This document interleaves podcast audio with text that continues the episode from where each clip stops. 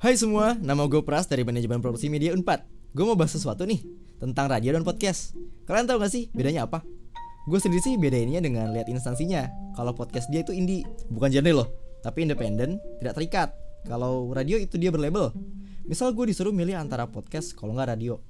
Gue sih lebih milih radio soalnya menurut gue di dalam segi penyebaran informasi Dia tuh bisa lebih luas dan lebih profesional aja karena emang dilatihkan di sana.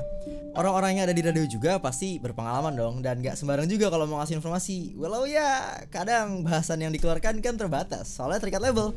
Ya emang sih podcast bisa membahas semua hal dan sifatnya lebih universal Tapi kembali lagi ke seorang penyiar Dan pendengarnya juga yang bisa menfilter mana yang bagus dan mana yang benar Dan untuk menarik minat pendengar juga pun podcast menurut gue lebih susah Karena ya kalau misalkan podcast kan indie ya Karena tergantung penyiarnya mau ngomong seperti apa dan tidak ada uh, nama untuk disebarluaskan agar orang-orang tuh tahu kalau kita punya podcast.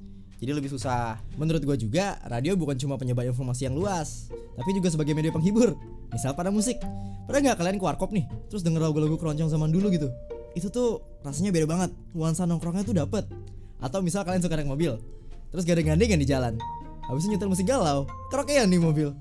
Habis itu diliatin deh sama penumpang angkot yang di depan. Cie, pernah nggak? Jangan bohong, gue tau lu pernah. Oke oke, back to topic. Jadi intinya sih gini, menurut gue kita tuh harus nikahin konten yang menarik tanpa melibatkan hal-hal yang berusaha sara.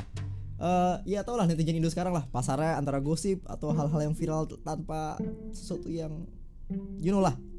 Paling itu aja sih yang pengen gue bahas. Semoga bisa menambah wawasan kalian semua ya. Bye.